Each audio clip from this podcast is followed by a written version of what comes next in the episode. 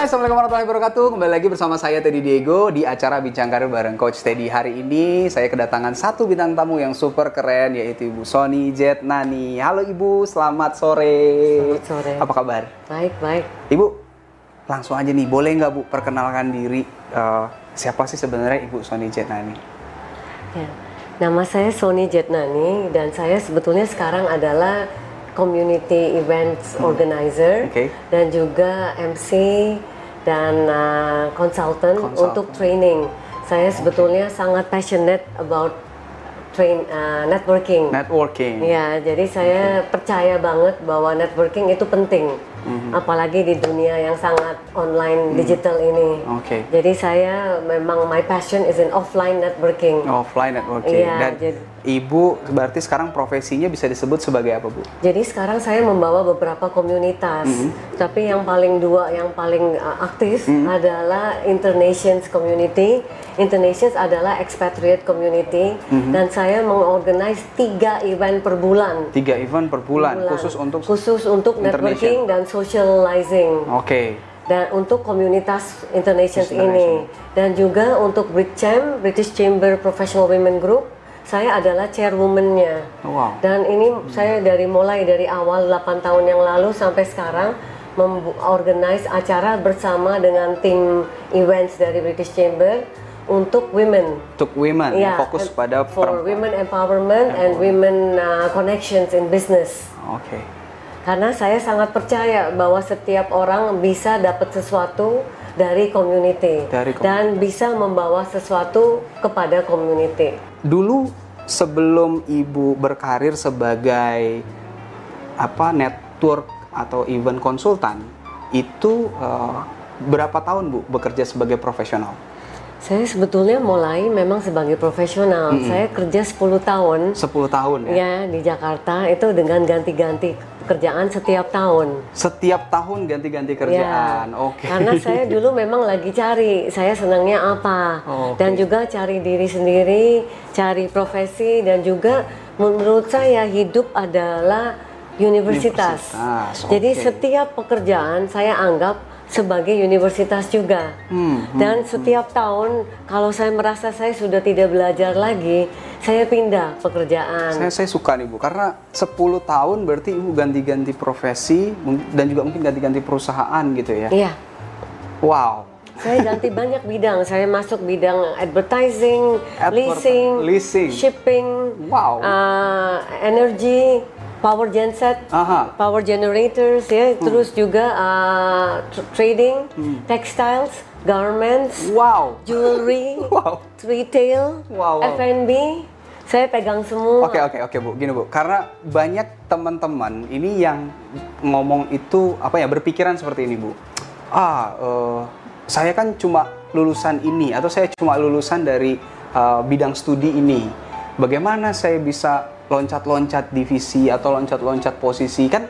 Ternyata ya dari obrolan kita tadi Bu Sony membuktikan bahwa ternyata itu sebenarnya mungkin ya bahwa ibu bisa saja bekerja di industri-industri yang berbeda, bahkan di posisi-posisi yang berbeda, bahkan sampai punya karir 10 tahun. Apa Bu rahasianya tuh? Mungkin rahasia yang se- sebetulnya itu karena saya mulai kerja dari usia 17. Oke, Saya tidak ke university. Oke. Saya langsung kerja. Langsung kerja. Hmm. Dan Jadi saya nggak perlu khawatir saya punya latar belakang apa, saya punya degree itu apa. Saya punya yang saya punya hanya kepercayaan diri dan keinginan belajar. nah, dua ini poin Bu. Yes. Karena eh, orang itu sangat terpaku sama jurusannya mereka, saya tidak masuk ke mereka. university apa pun. Justru ibu punya pikiran saya justru karena saya nggak punya bidang studi, so saya nggak usah khawatir Iya, gitu ya dengan betul. posisi apa pun yang bisa Betul saya sekali. dapat. Wow, cuma butuh dua kepercayaan diri dan keinginan untuk Belajar. belajar. So ibu 10 tahun bisa pindah-pindah Iya. karir di Betul. 10 perusahaan bahkan mungkin lebih dari itu ya. Iya. Dan sekarang akhirnya jat- jatuhnya ibu di posisi eh, di profesi sebagai eh, event. Ya, ini sebetulnya saya um, mulainya sebagai volunteer. Awalnya dimulai sebagai Iya, volunteer. karena saya lihat semua ilmu yang saya dapat, Mm-mm. semua experience yang saya dapat dari semua pekerjaan yang saya ambil, paling dapat saya pakai di bidang ini. Oh, justru setelah Ibu belajar 10 tahun ya, merasakan Ibu kan bilang tadi, Iya, ini konsep bagus ganti-ganti. banget, universitas ya. Iya. Jadi Ibu 10 tahun belajar, dapat ilmu banyak dari berbagai posisi, berbagai bidang industri, lalu tergu- eh, bisa digunakan justru pada saat Ibu menjalani profesi sebagai Iya. networking dan event konsultan Iya. ini gitu ya. Karena saya percaya bahwa setiap orang di hidup kita adalah guru atau murid. Oke. Berarti setiap hari saya akan ketemu dengan beberapa guru dan saya akan ketemu dengan beberapa murid. Ya, kini sekarang kita jadi lagi murid Ibu. Lagi jadi murid Ibu ini, belajar. Kalau ada community juga begitu, di Aha. setiap community ada gurunya, ada muridnya. Iya, iya, Kita iya. tinggal ganti-ganti peran. Mhm, mhm, mhm. Jadi di situ karena saya sangat percaya, saya ingin membuat venue untuk orang-orang yang butuh ini datang dan mereka bisa ganti-ganti. Ya. Kadang-kadang mereka bisa jadi muridnya, kadang-kadang mereka jadi gurunya. Ya, jadi ada- Yang penting ada keinginan untuk belajar dan terbuka pikiran. terbuka pikiran dan mau belajar. Iya. So dalam komunitas itu juga bisa jadi ajang untuk saling berbagi Betul. ilmu, ya wawasan gitu ya Bu ya. Oke, berapa tahun Bu sudah menjalani profesi ini? Tadi 10 tahun gonta-ganti nih. Iya. Nah, lalu di networking eh, Sebelum saya information- masuk ini saya tempat kerja juga untuk family business. Mhm. Jadi saya eh, di situ menetap juga 4-5 tahun bantu Oh, oke. eh, Oke, di bantu family business ya, ya. family business. Tapi ini ke- kebetulan saya ketemu Ibu Mariko sekitar 15 tahun yang lalu dan juga apa eh, 10 tahun yang lalu dia kasih saya kesempatan. Ini ada banyak event-event Bagaimana kalau kamu yang menjadi uh, kita punya semacam kayak PR consultant. Mhm, Jadi saya justru memang senang, saya sangat senang bisa ketemu orang-orang yang berbeda-beda Mhm. karena saya percaya setiap orang itu saya bisa belajar. Saya bisa iya Ibu bisa belajar. Jadi banyak. saya tujuannya itu hanya ketemu sebanyak orang mungkin dalam satu hari. Oh. Bagaimana caranya? Ikut beberapa acara. Kadang-kadang tiga event, kadang-kadang empat event di dalam satu hari. Hmm. Dan karena saya punya ilmu dari semua ini, dari advertising, bidang dari. F&B, saya mengerti kebutuhan uh, event dari segi yang pengunjung Ah. dan juga dari segi venue dan juga dari segi organizer. wow. Jadi, Jadi itu yang menjadi istimewaan saya. Saya ada pengalaman dari segala Hmm. dari macam-macam macam industri perspektif. justru itu perspektif ya Iya. di mana ibu jadi bisa ngobrol ke banyak orang yang mungkin juga industrinya beda-beda gitu ya dan ibu udah punya pengalaman di situ Betul, gitu ya betul. wow itu menarik sekali bu ya dan berapa lama tadi bu sudah di networking consultant Nah ini saya makanya sebetulnya ini posisi volunteer. Tapi karena saya sangat percaya bahwa setiap orang butuh community dan butuh satu kita jadi kayak sebagai host. Oh. Sebetulnya posisi saya di dalam community-community ini saya ada host. I am the host of the event. Jadi orang datang yang mereka bisa cari adalah saya. Dan mereka tahu ini event diorganize oleh Sony, ini event pasti akan ada pengisi acaranya. Kadang-kadang ini hanya untuk kita berkenalan. Hmm, Jadi kayak social event. Iya, Jadi ada minuman, ada makanan.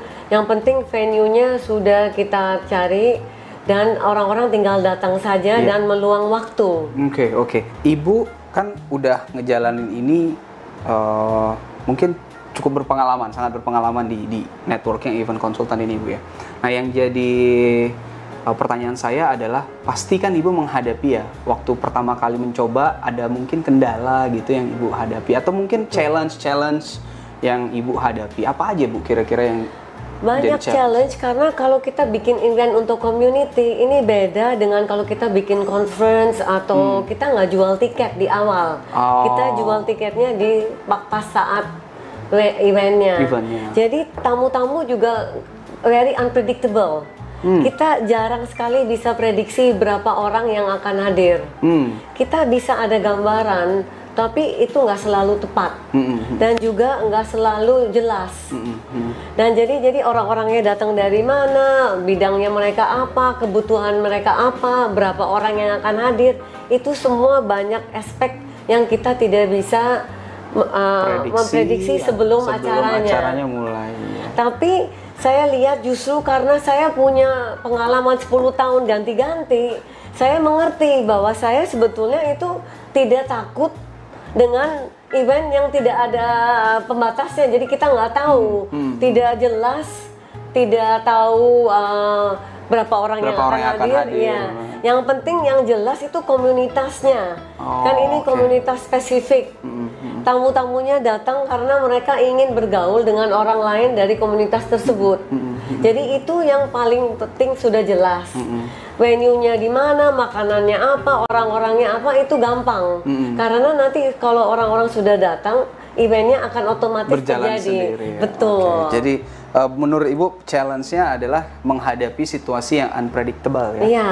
Bahwa dalam event kayak gitu kadang-kadang nggak sesuai prediksi kita gitu ya, Bu ya. Nah, bagaimana Ibu menghadapinya? Tadi salah satunya kan mungkin sebut Ibu sempat bilang eh, bagi saya yang penting adalah value-nya dari event itu Betul. eh, menjadi ajang tempat mereka bisa saling komunikasi, saling sharing dan segala Iya. macam. Nah, ada nggak Bu eh, yang jadi apa ya tips dari ibu lah menghadapi challenge seperti tadi. Kan orang namanya situasi ketidakpastian nih kalau bicara secara umum gitu ya. Orang pasti kan waduh ini acara bisa jalan nggak? Ini dalam konsep acara. Atau bahkan dalam konsep yang lain banyak yang kita hadapi dalam hidup itu sifatnya kan nggak pasti itu bu. Nah bagaimana tips dari ibu menghadapi Ini hal itu? community bagusnya itu dengan event organizer community, saya jadi nggak usah apa memberi venue, cari venue yang terlalu besar dan juga nggak usah terlalu banyak modal. Yang penting orang datang. Tujuh orang datang saja itu sudah event. Hmm. 100 orang datang pun event. Yang penting venue-nya bisa menghandle. Biarpun itu hanya tujuh orang atau 30 orang atau 60 atau 100 dan kita memang ada garis besarnya. Biasanya kita juga bilang ini mungkin yang datang hanya 10 atau 15. Ini mungkin acara yang seperti ini mungkin bisa 30 sampai 50. Karena saya sudah 10 tahun menjalankan ini. Saya ada insting. oh itu ya Ya, jadi dan biasanya itu tepat asal saya mendengar. Mhm. Jadi sebelumnya berarti ibu ada uh, dengan pengalaman yang ibu miliki, berarti kan uh, rasa menghadapi ketidakpastian itu ibu jauh lebih apa ya percaya diri ya, Iya. karena ibu punya merasa ibu punya pengalaman di Iya. situ ya menghandle itu dan punya ilmunya juga Iya. gitu ya. Dan balik lagi ibu tidak berfokus pada berapa banyak orang yang Iya. hadir, tapi lebih ke nilai dari acara uh, pertemuan itu sendiri.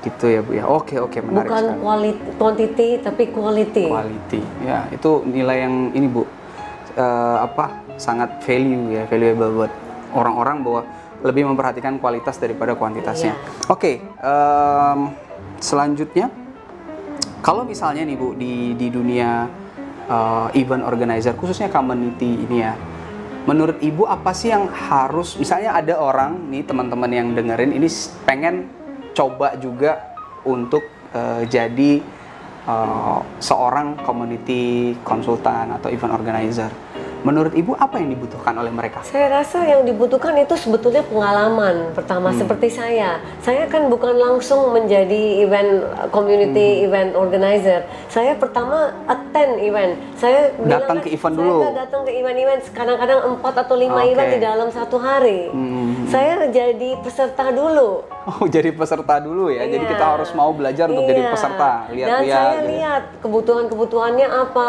saya enjoy atau tidak. Saya uh, juga data semua pengalaman saya. Mhm. Dan juga saya lihat ini apa sih uh, yang bikin kita semua mau ikut acara. Mhm. Dan seperti saya bilang tadi uh, kan banyak hidup kita sekarang udah terlalu banyak online. Hmm. Saya sangat percaya bahwa kita masih perlu komunikasi offline. Oke, itu salah satunya ya Bu. Jadi eh, selain dari kita harus hadir di acara-acara itu secara langsung, belajar Betul, dari situ, betul. kita juga harus mengasah kemampuan komunikasi offline ya teman-teman. Betul, betul sekali. komunikasi offline. Iya.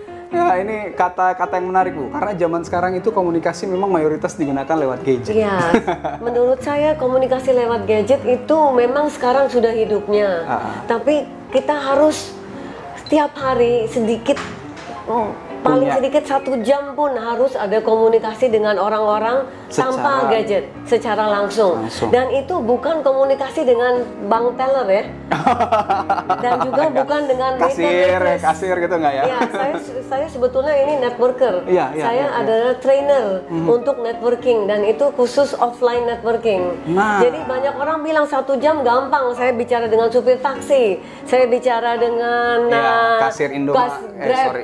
ya, kasir Indomaret. Grab iya. driver, dengan uh, bank teller, dengan uh, supermarket, dengan ro- restoran, dengan waiter waitress itu bukan. Oh, enggak Di itu ya, Bu ya? itu. Jadi offline itu yang bagi Ibu yang masuk kategori offline communication, bagi Ibu sendiri apa? Mas ke event. Event. Iya. Jadi di Pergi dalam ke sebuah event, betul. ngobrol. Ketemu orang-orang yang Anda tidak tahu. Oh, oke, oke, oke. Dan Anda tidak pakai HP untuk komunikasi dengan mereka. Ya, ya, ya, ya, menarik. Dan Anda bicara empat mata. Ini Itu baru komunikasi. communication. Itu baru. Yang you're stepping out of your comfort zone. Eh, dan itu salah satu poin yang menurut saya juga penting untuk seorang profesional ataupun eh, orang yang mau cari kerja harus kuasai, benar nggak? Betul. Karena kan kalau kita interview itu kan akan ngobrol sama HRD atau ngobrol sama pemilik perusahaan secara offline gitu ya, nggak mungkin texting gitu ya.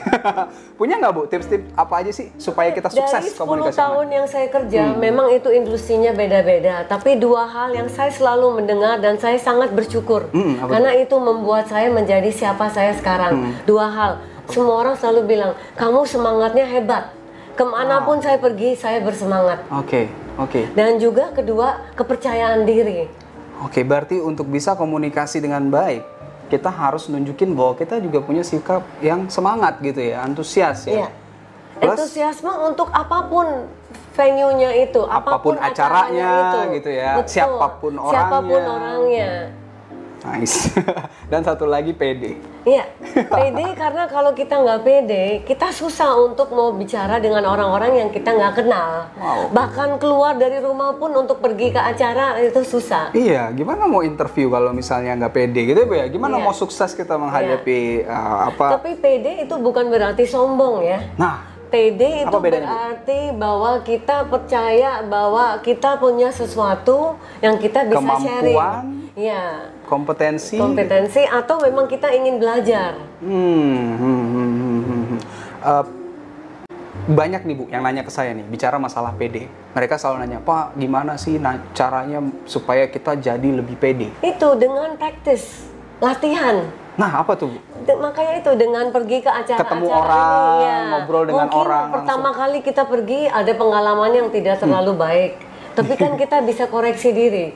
Iya. kita bisa sadar mungkin saya salah ngomong saya kecepatan atau saya nggak ini atau waktunya tidak tepat. Jadi kita belajar by doing bukan belajar by teori Benar, benar. Berarti di venue-venue seperti ini yang event-event nggak ada teorinya. Hmm. hanya practical experience. Jadi benar-benar ya kalau mau pede ya harus ketemu orang dan ngomong gitu ya. Bu, Betul, ya. betul. Mungkin pertama kita akan dicuekin gitu ya. Pernah Bu dapat pengalaman-pengalaman gak enak? Iya, saya juga atau mungkin nggak semua orang yang memang tidak semua orang yang akan senang style kita gaya kita Iya, dengan kita semangat juga saya sudah dengar dua ada yang bilang kamu semangatnya hebat sekali Ada ada, ya? yang bilang kamu terlalu semangat gitu. bisa diturunin nggak saya sudah dapat kedua feedback Iya, iya, iya. tapi saya anggap itu sebagai feedback Feedback ya. feedback itu berarti baik. Sesuatu yang bisa kita koreksi koreksi. bukan itu apa? Yang membuat kita down. down. Oke, nice. Itu tips yang bagus. dan banget. itu justru membuat saya membelajar Hmm. kalau orang-orangnya setaraf dan memang energinya tinggi saya bisa 100% semangat Kita push semangatnya ya, segitu ya, kalau ya. orang-orangnya memang tidak biasa dengan semangat lebih baik saya turunin dulu sampai saya sudah angkat mereka baru saya bisa mengeluarkan Nah, 100% benar. semangat dan, saya Dan itu bisa dilakukan dengan pengalaman. Betul. Dengan belajar. Dengan belajar. Dan memang semangat juga ada efek pada kultur. Hmm. Karena setiap orang datang dari eh, berbagai kalangan, berbagai kultur. Kadang-kadang memang semangat tidak diajari. Tidak bisa tidak bisa semua orang kita sama ratakan gitu ya. Betul. Tapi ada jadi kita juga bisa harus adaptasi dengan ukuran semangatnya mereka Betul, juga ya. betul. Pada situasi-situasi tertentu. Bu, kan salah satu uh, community yang Ibu join dan saya juga itu ada di Rotary Club ya. Nah, Iya. kalau kita bicara tentang Rotary sendiri gitu ya, Bu ya. uh, menurut Ibu apa value-value yang Ibu bisa dapat sih dari Banyak sekali semua yang saya bilang dan juga sebetulnya masih banyak sekali. Ah, Rotary ini sebetulnya benar-benar komunitas yang sangat hebat karena mereka di semua negara dan juga mereka benar-benar orang-orang yang ingin menjadi volunteer dan juga charity. Jadi ada ada tujuannya. Jadi jelas sekali kenapa mereka bertemu, apa tujuannya dan selalu untuk higher purpose. Higher purpose. Jadi kita hidup kan perlu purpose. Kita kerja karena kita perlu purpose. Bagi ibu sendiri purpose ibu apa?